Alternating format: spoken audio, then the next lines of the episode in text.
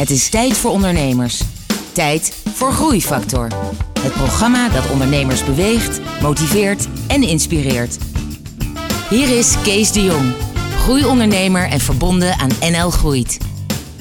Hoe je als meisje van 28 een bedrijf van 200 man kan leiden. Do as the Chinese do om in China succes te hebben. En waarom je altijd naar je buikgevoel moet luisteren.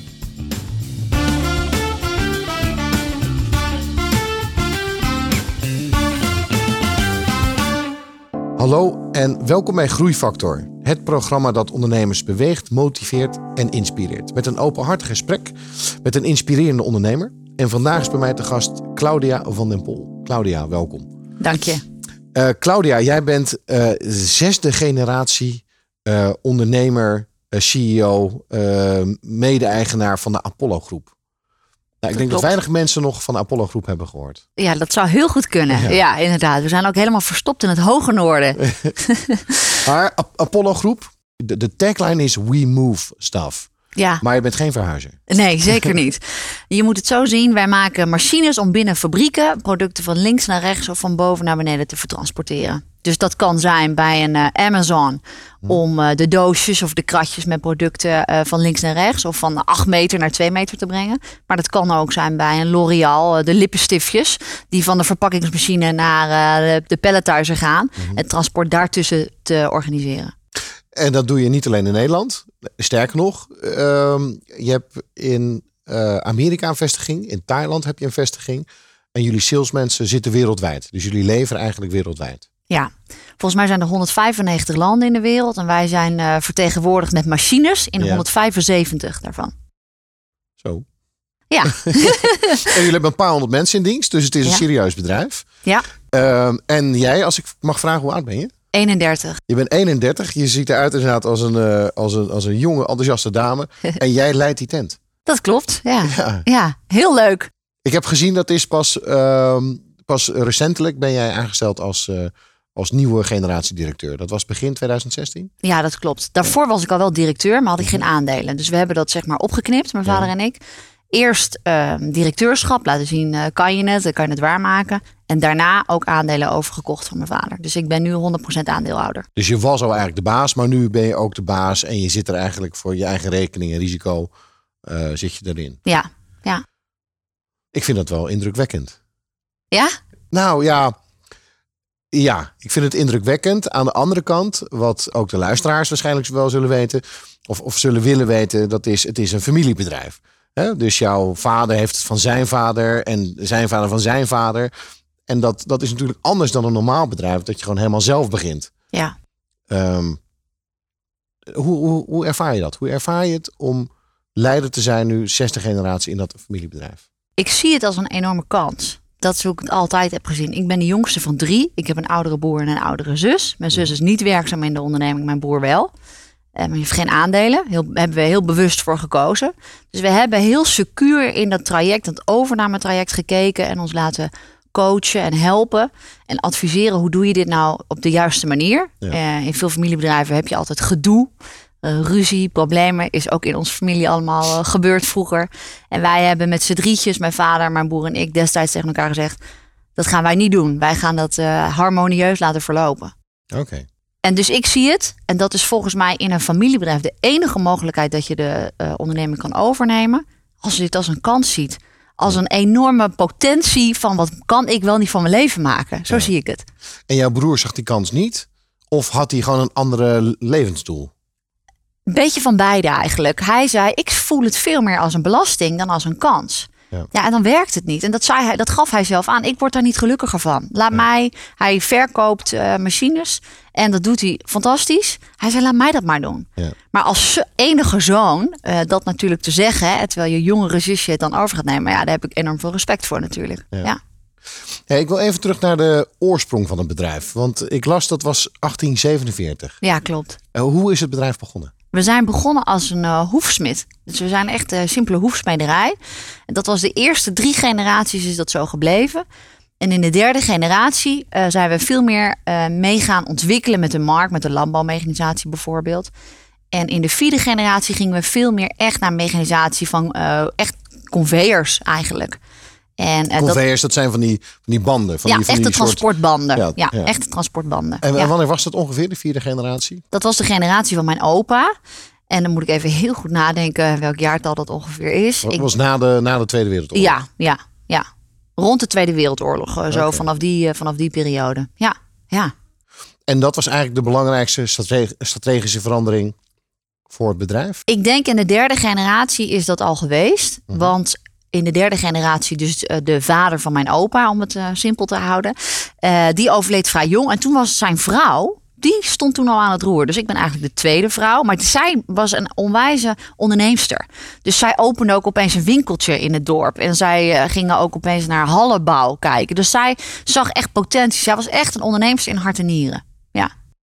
En hoe heb je dat thuis ervaren toen je, toen je klein was? Want alles ging natuurlijk om het bedrijf. Nee, helemaal niet. Nee? Nee, dat vinden heel veel mensen bijzonder. Nee, het was aan de ene kant ons vierde kind. En aan de andere kant ook een soort van stilgezwegen kind. Want mijn vader was gewoon aan het werk. En toen, toen ik opgroeide, heb ik nooit heel erg bewust meegekregen dat het zo'n oud familiebedrijf was. Dus jij hebt dat op die manier niet meegekregen. Welke keuzes heb je gemaakt voor wat betreft je studie? Wat, wat wilde je doen? Nou, dat heb ik wel heel erg bewust op Apollo gedaan. Want ik was al, denk ik, 15 toen ik eh, op een eh, stage eh, binnen mocht kijken. Toen deed ik business school. En toen dacht ik, oké, ik mag hier nu kijken. Ik zie een kans. Op de een of andere manier had ik altijd feeling met de onderneming. Terwijl ik eigenlijk helemaal niet superveel er nog van wist. En eigenlijk helemaal niet technisch was op dat moment. En dus ik deed business school, wat natuurlijk heel erg eh, eh, marketing en bedrijfseconomisch is. En toen dacht ik, ja, maar als ik hier wat wil, dan moet ik techniek gaan snappen. Want ik lag, zag allemaal tekeningen liggen en daar snapte ik helemaal niks van. En toen dacht ik, ja, oké, ik moet een technische studie gaan doen, want anders komt dat helemaal niet goed. Ja. Maar En- als ik hier wat wil, zat daar al achter... Ja. Nou, wellicht ben ik gewoon de volgende baas. Toen ik 15 was Ja. en eigenlijk nog jonger, dacht ik al zo, ik wil een Apollo overnemen. Ja, en nu denk ik, ja, wat baseerde ik dat dan op? Ja.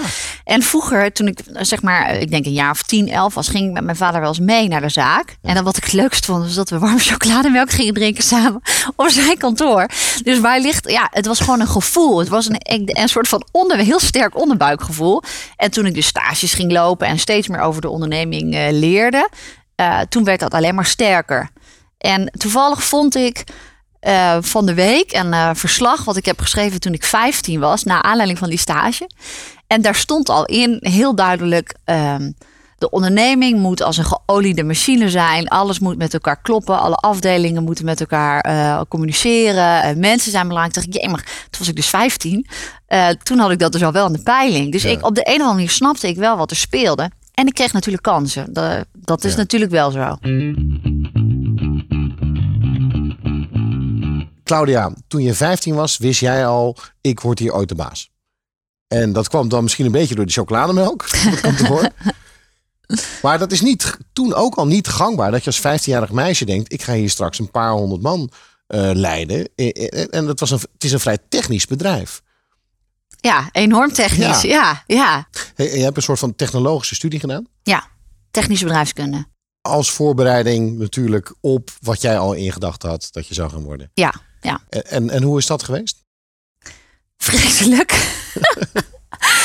ik was eh, met nog een meisje op 60 jongens. Natuurlijk heel logisch bij zo'n technische studie. En in het begin, ik had helemaal niet een natuurlijke, ja dat klinkt heel raar, technisch gevoel.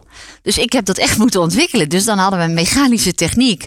En dan zakte ik natuurlijk vreselijk voor, die, eh, voor dat vak. Want ik snapte, de, ik snapte het ook echt gewoon niet. Dus ik moest ik heel hard blokken. En heeft mijn vader me serieus bijles gegeven. Dat ik die techniek snapte. En opeens eh, toen was het of het kwartje viel. En toen haalde ik ook alleen maar hele goede cijfers. En ik was ook wel een soort van studentje die van het leven hield. Dus ook wel van een feestje en zo. Ja.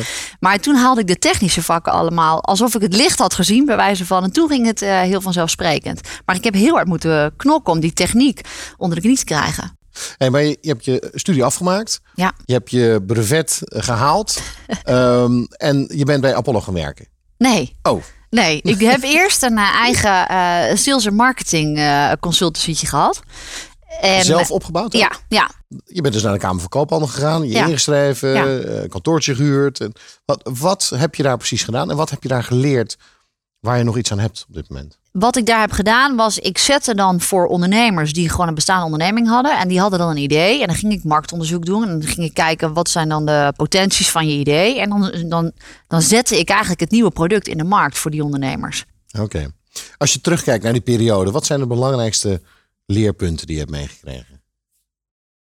Volg je hart. Ja. Eh, hoe jong je ook bent. Want ik was natuurlijk heel erg jong. En, uh, en als ik terugkijk, heb ik soms wel eens dingen gedaan. Omdat ik dacht, ja, dat hoort zo. En dat je dan misschien niet helemaal authentiek bent. En uh, dat je dan dingen doet omdat je denkt dat dat hoort. Of beter is volgens ja. de norm. Kan je nog iets herinneren wat dat was? Nou, als het ging over um, het contact met andere ondernemers bijvoorbeeld. En dan je eerste presentatie. Uh, hoe doe je je dan voor? Nou, ik voelde toen op dat moment dat ik me wel heel stoer voor moest doen. Want ik was natuurlijk nog zo jong. Ja. En nu denk ik, ja, dat is eigenlijk heel zonde geweest dat ik, dat ik dat zo heb gedaan. Want ik had veel meer van, echt veel meer mijn kracht moeten pakken. En ja, ik ben nog jo- juist zo jong, maar ik doe dit wel. Ja. En ik voelde dat ik me eigenlijk wat groter voor moest doen om he- mijn rol te kunnen pakken. Ja. Ook wellicht een beetje uit onzekerheid. Natuurlijk, Ja. natuurlijk, ja. Ja, het is jammer dat je niet. Nou ja, dat zou je dan tegen jezelf kunnen zeggen.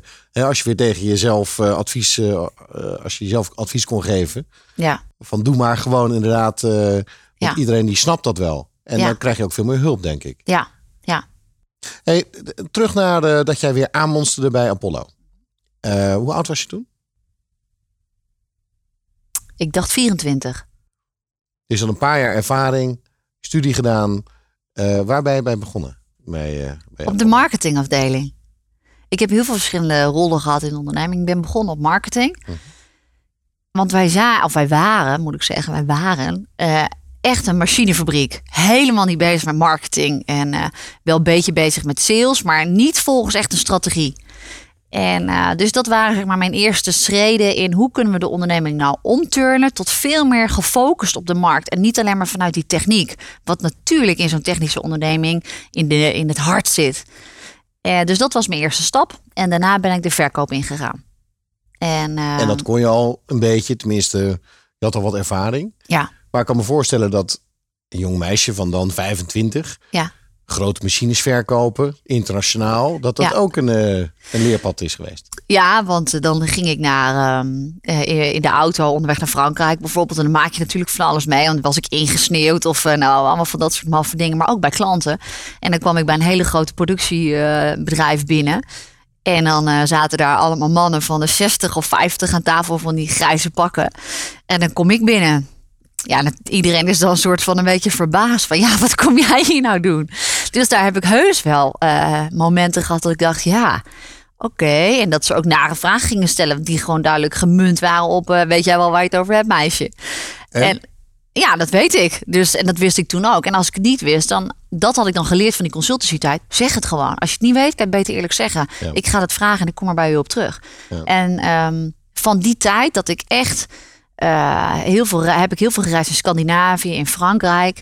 Eh, later in eh, heel veel in Azië. Ehm, ja, daar heb ik heel veel van geleerd. Ook hoe werkt het nou binnen zo'n onderneming, binnen onze eigen onderneming? En eh, het is hartstikke leuk als je wat kan verkopen, maar hoe verkoop je het intern? En hoe zorg je dat de leeftijden gehaald worden, enzovoort, enzovoort. Ja, Was dat, dat was eigenlijk al met het plan natuurlijk, dat jij later ooit die tent zou gaan leiden. Ja. Hè, om het bedrijf echt van binnenuit helemaal te snappen en te kennen. ja, Maar dat moet een mooie tijd geweest zijn. Reizen, doen waar je mee bent, hè? Je, je, je passie volgen, verkopen. ja, ja, was echt schitterend. Eh, enorm eh, leerzaam ook. Ehm, als ik kijk naar die, die marketing, verkoop, toen was het heel erg gefocust op zoveel mogelijk ervaring opdoen. En daarna ben ik eh, business development manager geworden. En toen zei mijn vader, leuk, we kunnen iets in China gaan beginnen met een partner. Als je dat nou voor elkaar kan krijgen, dan kunnen we praten. Laat, laat dat maar eens even zien of je dat geregeld kan krijgen. En toen, doordat ik dat deed, en dat is een heel natuurlijk proces geweest, altijd in de achterhoofd met ik ga het later overnemen, maar zoveel mogelijk als een spons kennis, ja, kennis opnemen van iedereen, ja, waar ik mensen ook ontmoette, wereldwijd op vliegvelden of bij klanten of leveranciers, altijd zoveel mogelijk ja, leren van wat, wat zeggen ze, wat vinden ze dan, hoe werkt dat dan? En een soort van die natuurlijke nieuwsgierigheid continu ja, weer laten prikkelen. Groeifactor is een initiatief van MKB Brandstof. Ga naar groeifactor.nl voor nog meer openhartige verhalen van inspirerende ondernemers. Groeifactor inspireert ondernemers. Eh, Claudia, jij hebt een fantastisch project in China gedaan. Ja, Wat heb je daar, hoe heb je dat aangepakt? nou als ik heel eerlijk moet zijn, heb ik het gewoon gedaan. En dan had ik daar niet een heel goed plan voor als ik nu terugkijk. Ja. Want wat was je opdracht? Ehm, we zagen potentie in de Chinese markt om daar onze machines te verkopen. Alleen hoe begin je dan? Toen hebben we een bedrijf de opdracht gegeven: ga eens kijken wat voor partners kunnen we dan vinden. Op dat moment hadden we het idee: het is het beste om met een Chinese partner samen te gaan werken. En zodoende zijn we bij een ook familiebedrijf, Chinees familiebedrijf, eh, gekomen. En eh, met mijn Chinese partner hebben we toen een strategie bedacht: hoe gaan we nu klanten werven. Wat moeten we doen? Ja, dus eh, dat betekende dat ik elke vijf weken een week in China aan het rondreizen was met mijn Chinese partner. En eerst eh, maakten wij de machines in Nederland en later hebben zij ook echt onze machines daar geproduceerd voor ons. Maar dan kom je daar als 26 jarig ja. meisje, Ja, kom je daar bij een grote Chinese fabriek. Eh, De Chinese cultuur, daar, ik heb er ook een tijdje gewerkt. Dat is natuurlijk totaal anders. Cultuur is anders, alles is anders. Ja dan dat moet klopt. je snel kunnen schakelen.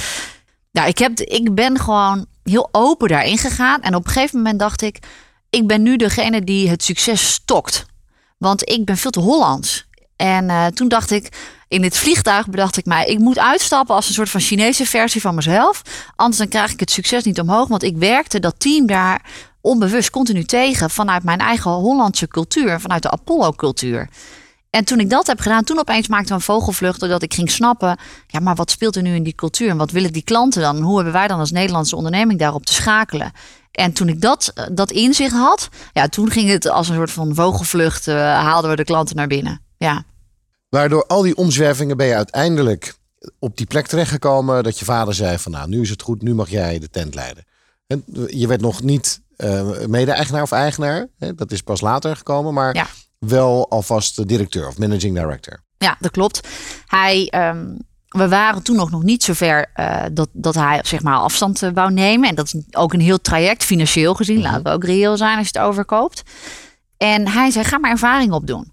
En hij gaf mij heel knap alle vrijheid. Het is jou, straks jouw toko. Bepaal de strategie, zet het uit. Wat voor investeringen wil je doen?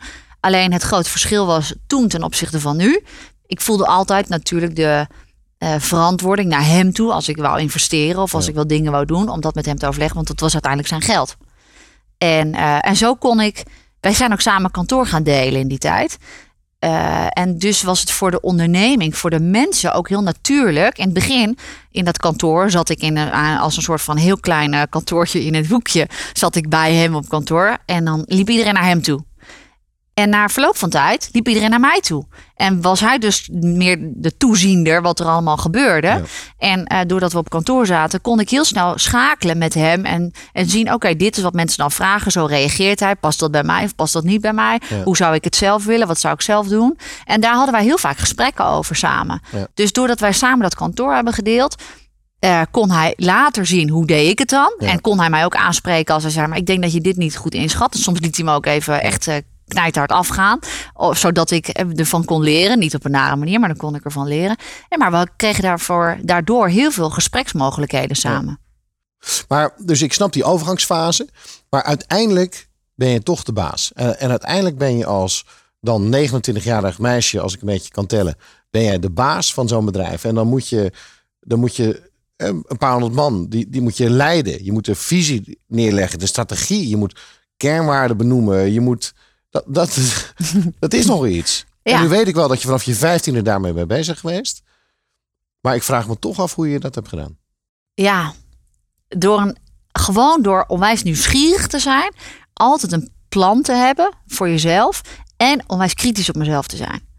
Dus ik kijk mezelf heel vaak in de spiegel. Doe, ik- doe ik de juiste dingen? Ik wil niet door mijn ego geleid worden bijvoorbeeld. Eh, ik heb heel duidelijk een visie wat ik met de onderneming zou willen. En dat spiegel ik. En ik heb natuurlijk een aantal mensen in mijn omgeving. bij wie ik ook gewoon daar in alle kwetsbaarheid over kan, eh, kan praten. Eh, dan? nou, ik heb hele fijne commissarissen. eh, waar ik daarmee over kan praten. Nou, bijvoorbeeld met mijn vader, Ja. met mijn vriend. Ja. Dus daar kan ik heel in alle eerlijkheid vertellen van dit speelt er, dit zie ik. Zo heb ik geacteerd. ehm, wat vind je daarvan?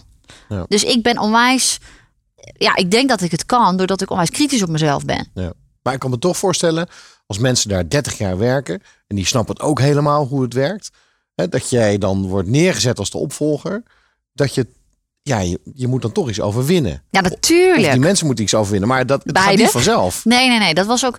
In het begin heb ik wel eens tegen mijn vader gezegd: het is dat ik zelf zo'n eh, zo'n plan heb. Anders kon ik dit niet volhouden. Want er waren ook in het begin mensen die helemaal niet eens waren met, met dat ik het zou Ja. worden. En die heb ik eh, moeten overwinnen. En, en dan heb je dus ook dat sommige mensen eh, niet meer bij de firma werkzaam zijn ondertussen. Ja. Eh, en dat hoort ook bij zo'n proces. Want het is natuurlijk allemaal onderdeel van een proces, zo'n generatieopvolging. Ja, ik heb altijd heel duidelijk een visie gehad. En ook een visie, hoe gaan, hoe gaan we eh, met mensen om in de onderneming? Wat halen we uit de mensen? Maar ook wat gaan we doen als onderneming? En die heb, ben ik al heel snel begonnen toen duidelijk werd... oké, ik, ga, ik ga de nieuwe generatie worden. Die heb ik al heel snel weten te ventileren of te uiten. Of heb ik naar buiten gebracht. Dus ik hoor twee, twee dingen. Dus heel erg gefocust op de mensen, de cultuurwaarden veranderen. Ja. En je hebt continu een, een plan en een doel neergelegd. Waar Ja. mensen, en die heel erg gecommuniceerd. Ja. Zijn er nog andere dingen die je anders hebt gedaan dan de voorgaande generaties? Want, want Nee. het bedrijf gaat goed, het bedrijf groeit. Ja. Zo even, Ja, ja, ja. ja, dus dus als je dan kijkt naar de onderdelen van jouw groeifactor. Hè, in de periode dat jij nu het bedrijf leidt. ja. Wat zijn nog meer onderdelen geweest waarom het bedrijf groeit? Nou, dat we, we zijn veel meer naar buiten getreden. Dus veel meer in de aanval gegaan. Ja, in, dus jouw eh, sales en marketing. Ja, eh, exact. Dat, dat hebben we veel meer naar, naar voren gebracht. En we hebben heel veel geïnvesteerd. Ja. En eh, daardoor konden we echt Mars veroveren. Ik zeg altijd heel grappig, eh, de wereld is ons speelveld. Ik wil de wereld veroveren met ons bedrijf. En, ehm, en door heel erg daarop te focussen en van tevoren in te investeren... In de, aan- naar de buitenkant toe, hè, naar de, in de buitendienst, in de verkoop. En aan de, de, op hetzelfde moment intern in de organisatie. Dus dat mensen voor zichzelf gaan staan. Dat mensen zich een beetje empowered voelen van ja, maar dit is mijn proces. Hier ben ik verantwoordelijk voor. Dat heeft, en dat is natuurlijk een proces wat een paar jaar duurt. Maar dat zien we nu terug.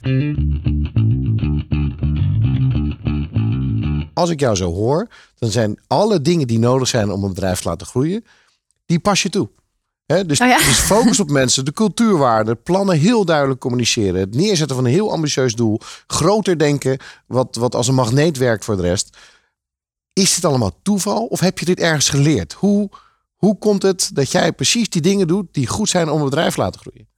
Ja, ik denk intuïtie. Ja, dat- ja ik, tuurlijk, ik, le- eh, ik lees eigenlijk veel te weinig, als ik heel eerlijk ben. Ik zou Ja. meer moeten lezen. Ik doe heel veel op, eh, op mijn onderbuikgevoel en op mijn gezonde boerenverstand. En door ook veel, ik ben heel, nog steeds heel nieuwsgierig. Dus ik praat heel graag met eh, andere ondernemers. En Ja. durf dan ook gewoon eh, heel veel dingen te vragen. En van die cultuurwaarden, dat ik dat zou moest veranderen. Toen ik zoveel in Azië reisde, had ik de luxe om heel veel mensen te ontmoeten. En ik ontmoette mensen van, van, van Disney, van Nike, van eh, Apple. En die waren allemaal zo trots dat ze bij die organisaties mochten werken. En toen dacht ik, nou, volgens mij is niemand trots dat ze bij Apollo mogen werken als je die in een hotelbar meet. toen dacht ik, wat moet ik nou doen? Dat als bij wijze van iemand een van mijn mensen ontmoet, dat die denkt, wauw, wat een leuke Ja. club om daar te werken. Ja. En daar ben ik me toen in gaan verdiepen. Dus zo, ja, het is die nieuwsgierigheid. Wat en grappig. dan, Dus je ja, hebt je kennis gehaald uit de internationale hotelbars in, bij eh, wijze van. over Ja. de hele wereld. Ja, ja. Wat grappig. nou, dit klinkt allemaal wel heel blij en positief. Maar natuurlijk zal het niet altijd zo makkelijk geweest zijn. Je zal ook Nee. dieptepunten hebben gedaan. Of momenten dat je dacht van nou, ik stop ermee. ja, absoluut. Vertel.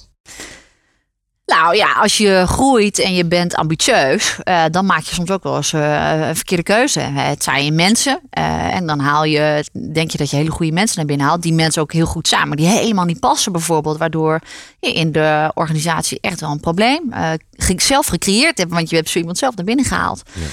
Eh, of mensen die eh, bijvoorbeeld niet eerlijk zijn geweest. Eh, die, als je zo'n cultuurwijziging doorbrengt, dat betekent dat je ook heel veel vanuit vertrouwen moet doen. Je moet duidelijke kaders brengen, maar ook vanuit vertrouwen helemaal in die eerste stappen. Nou, daar ben ik echt wel een heel aantal keren op de koffie gekomen, dat dat vertrouwen heel erg beschaamd is.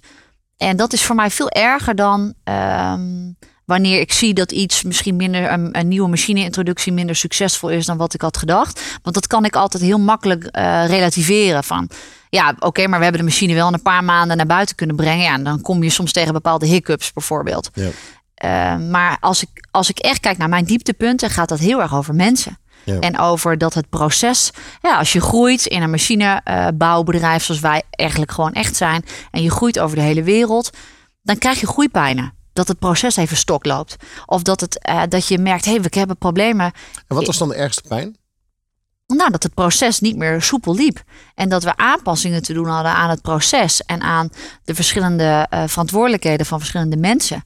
Om te zorgen dat iedereen zijn eigen verantwoordelijkheid weer pakte. En vervolgens het proces weer doorliep. Dus op het moment dat de orde naar binnen gehaald werd, dat ook daadwerkelijk de leeftijd gehaald kan worden. Omdat we zo grote orde intake hadden. En niet dat er alleen maar overuren gemaakt moeten Maar worden. uiteindelijk ging dat om mensen. Wat ging er dan fout bij de keuze van die mensen? Nou, ik denk het zoeken naar wel, wie past nou echt. Ik noem het altijd, we hebben Apollo DNA. En daar hebben we een aantal competenties voor samengesteld. En eh, die had ik onvoldoende op dat moment voor mezelf helder, als ik terugkijk. Ja. En dan doe je eh, dingen omdat je denkt, oké, ik hoor een verhaal aan. En dan heb je misschien soms wel een beetje twijfels. Maar dan denk ik, ja, het moet wel. Dit moet eigenlijk passen. Het plaatje klopt. Misschien je onderbuikgevoel niet helemaal, maar het plaatje klopt wel. En dat is dan wel het lastigste voor mij geweest. En dat ook momenten dat ik dacht, jemig, waar, ben ik mee bezig? Of dat ik aan mezelf ging twijfelen van ja, hartstikke leuk dat ik zoveel wijzigingen breng. Maar wie ben ik nou? Claudia van der Pol van 30 Nou, op dat dat vind moment. ik wel heel fijn om dat te, te horen. Want Ja. je komt zo zelfverzekerd over. Oh nee joh. Je komt zo, nee, maar je komt zo alsof je precies weet wat je doet. En ik ben er heel verbaasd over. Want ik weet nog de eerste tien jaar van mijn ondernemersleven. ik wist niet zo goed. Ja, we deden het wel. We waren ook enthousiast. Maar op die momenten van zelfreflectie. Dat je niet, dat je dacht, eh, ja, ik weet eigenlijk ook niet wat ik doe. Wat moet ik doen? Wat deed je toen? Hoe ging je daarmee om? Nou, dan ga ik ten eerste altijd bij mezelf te raden. Dus eh, dan neem ik even een momentje van ademen voor mezelf. En dan breng ik even in kaart van eh, waar, wat maakt dat ik nu zo twijfel. En eh, dat is een soort van intern gesprek dat ik dat met mezelf heb. En dan zoek ik toch wel mensen op in mijn omgeving om daarmee te sparren. Want dit is wat er, dit is wat er gebeurt. En ehm, nou, nog niet zo heel lang geleden had ik het idee van ja, ik heb eh, begin dit jaar hebben we een nieuwe fabriek in Thailand geopend. En eh, dat was een heel ambitieus plan. En ik weet nog dat ik daar in, eh, ik denk april kwam. En dat ik dacht, wat heb ik gedaan? Oh mijn god, wat heb ik gedaan? En dat ik in mijn hotelkamer zat en oprecht zat te huilen en dacht, hoe ga ik dit regelen? Ik, wat heb ik, Claudia van der Pol, wat heb ik gedaan? Hoezo ben je zo enthousiast en zo ondernemend? Waarom kan je niet gewoon even normaal doen? en eh, ben ik niet veel te outgoing? Ben ik niet veel te snel? Ben ik niet, wil ik niet veel te hard? Heb ik, me, heb ik mijn karretjes nog wel aangehaakt? Of zijn ze allemaal onderweg Ja. een andere kant op gegaan? En ehm, ja, die momenten, dan, dan breng ik het echt voor mezelf weer helder in kaart. Oké, en dan kan ik soms ook zeggen, ja, eh, ik ben veel te snel gegaan. Ik moet even terugschakelen. Want mij, ik schakel heel snel en ik raak dan heel enthousiast. En dan mijn valkuil is dan dat ik dan eh, te snel eh, afschakel en mijn eigen koers ga varen. en, en onvoldoende heb gecheckt. Hey, check, volgt iedereen mij nog wel? Ja, dan loop je voor de muziek uit en dan iets te ver voor de muziek uit. Ja, ja. En dat is soms niet erg om dat even te hebben, omdat je dan nieuwe energie of inspiratie opdoet. Maar je moet eigenlijk heel snel weer, weer teruggaan naar, eh, nou, naar gewoon naar je, naar, je team. Van hey, snapt iedereen nog Ja. met welke ideeën en, en welke stappen we bezig zijn? Hoe is het afgelopen met de fabriek? Heel goed. Ja, Ja, ja dat is, ik was er vorige week. En ehm, ja, dat gaat ongelooflijk goed. Dat is echt fantastisch om te zien. We hebben daar een totaal lokaal team. Dus alleen maar Thaise mensen. Ja. En dat is echt eh, een feestje om daar rond te lopen. oké. Dus eh, dit verhaal heeft een eh, happy end. Dit heeft een happy end Ja. gekregen, ja. Ja, En naast je werk, Claudia, wat, wat doe je nog meer om je te ontspannen van al die drukte? nou ik kan heel makkelijk ontspannen. Ik kan heel makkelijk afschakelen. Dus ik heb het niet zo vaak heel druk in mijn hoofd. wat je wel eens hoort. Ik mediteer. Ik sport. En ik ben onwijs gezelligheidsmens. Dus ik hou enorm van eten en drinken. En eh, met vrienden en familie en eh, eh, leuke dingen daarmee Ja. doen. En mediteren, doe je dat iedere dag? Of alleen als het nodig is? Of? Nou, ik zou nu heel graag willen zeggen dat ik het iedere dag deed. Maar dat lukt niet altijd. Ja. dus ik heb dan, ook daarmee heb ik dan fases. Dan doe ik het heel keurig iedere dag. En dan heb ik ook weer, dan doe ik het even weer helemaal niet een paar maanden. En nu zit ik weer in een fase, dan doe ik het weer geregeld, zeg maar zo om de dag. En dat kan ik ook volhouden. Ja. En dan 20 minuten stilte. Nee, ik doe altijd uh, begeleide meditaties. Dus Ja. ik luister altijd naar, eh, naar iemand eh, die iets vertelt. En op verschillende onderwerpen waar ik op dat moment behoefte aan heb. En wat ik over, in de dag wel eens doe, bijvoorbeeld als ik een hele drukke dag heb, dan, doe ik wel, dan draai ik altijd mijn stoel eventjes om naar, naar mijn eh, deur. En dan doe ik even, even ademen. Gewoon even inademen, uitademen. Dan kom ik even weer tot rust. En dan, eh, dan ben ik weer helemaal klaar voor. Ja. Ik zou dit laatste deel van het gesprek willen gebruiken om, om wat inzichten van jou te samen te vatten eh, waar luisteraars, andere ondernemers iets aan hebben. Nou, een aantal constateringen die je doet. Je bent enorm energiek, eh, reislustig, je reist veel, je neemt heel veel op. Ehm, en en ja, ik denk dat je heel veel energie in het bedrijf brengt. Ehm, maar wat zouden drie inzichten of tips kunnen zijn die je ondernemers kan, kan meegeven voor hun eigen organisatie? Blijf altijd trouw aan jezelf. En als je, daarmee bedoel ik te zeggen, als je een droom hebt of een beeld hebt, natuurlijk moet het realistisch zijn. Eh, maar als je daar zo sterk in gelooft, dan, dan breng je dat ook over. En dan eh, andere mensen gaan aanhaken. En ik heb dat bijvoorbeeld in Thailand heel erg gemerkt. Ik had, kende daar niks. En niemand. En Ja. we hebben daar binnen no time een heel team uit de grond weten te stampen. Dat komt om- omdat ik er zo sterk van overtuigd was. En dan gaan mensen met je meedenken. Ja. Dan kan je mensen aanhaken. Dus die, En, die en ook tegenovergesteld, wat je zei toen je je eigen, je eerste bedrijfje was begonnen, was je eigenlijk niet trouw aan jezelf, omdat je je groter wilde voordoen dat je deed. En daar heb je ook spijt van gehad. Ja. Dus blijf trouw aan jezelf. Ja. Oké, dat, is een, dat is een mooie eerste opening. heb een duidelijk plan. heb altijd een plan. Ja, Ehm, Je want niet een man met een plan, maar een vrouw met een plan. exact. ja, heb een plan. Want dan weet je ook waar je... Je kan heel makkelijk, tenminste dat heb ik... eh, nou, zeg maar gewoon in de daily business verdwalen. En dan ga je misschien bezighouden met dingen... wat eigenlijk helemaal niet bijdraagt aan je daadwerkelijke einddoel. En soms moet je even een klein weggetje nemen... en dan moet je eventjes op dat kleine parkeerplaatsje gaan staan... en even allerlei dingen doen. Maar dan moet je heel snel weer invoegen op die snelweg... om terug Ja. naar je plan te gaan. Eh, want anders denk ik dat het veel langer duurt om je doelen te bereiken. Eh, en als je, ja, als je überhaupt geen plan hebt, wat zijn, wat zijn dan ook je doelen? Ja. Eh, maar dat is dan persoonlijk voor mij heel belangrijk. En als derde, ja, zorg dat je goede mensen om je heen hebt eh, die je kan vertrouwen. Eh, en dat is voor mij wel een sleutelwoord, vertrouwen. Want ik, eh, het is nu heel leuk dat ik geïnterviewd word, maar dat we groeien en succesvol zijn, dat heeft alles te maken met dat ik een enorm fantastisch team met mensen voor mij Ja. heb werken. Al die 200 mensen, ieder vanuit zijn eigen specialisatie. En denk dus niet dat je het in je eentje kan, want je kan het niet alleen. We zijn helaas aan het einde van dit gesprek, Claudia. Jammer.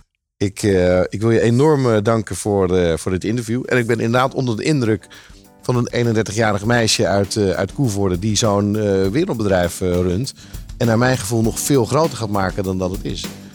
Met name omdat je intuïtief precies alle dingen doet die nodig zijn om een bedrijf te laten groeien. Dus daar heb ik enorm veel respect voor. En ik vond het echt een superleuk gesprek. Dankjewel, ik ook. Dankjewel. Voor de luisteraars, je luisterde naar Groeifactor. Graag tot een volgende uitzending van Groeifactor. Groeifactor is een initiatief van MKB Brandstof. Ga naar groeifactor.nl voor nog meer inspirerende verhalen van mede-ondernemers. Groeifactor beweegt ondernemers.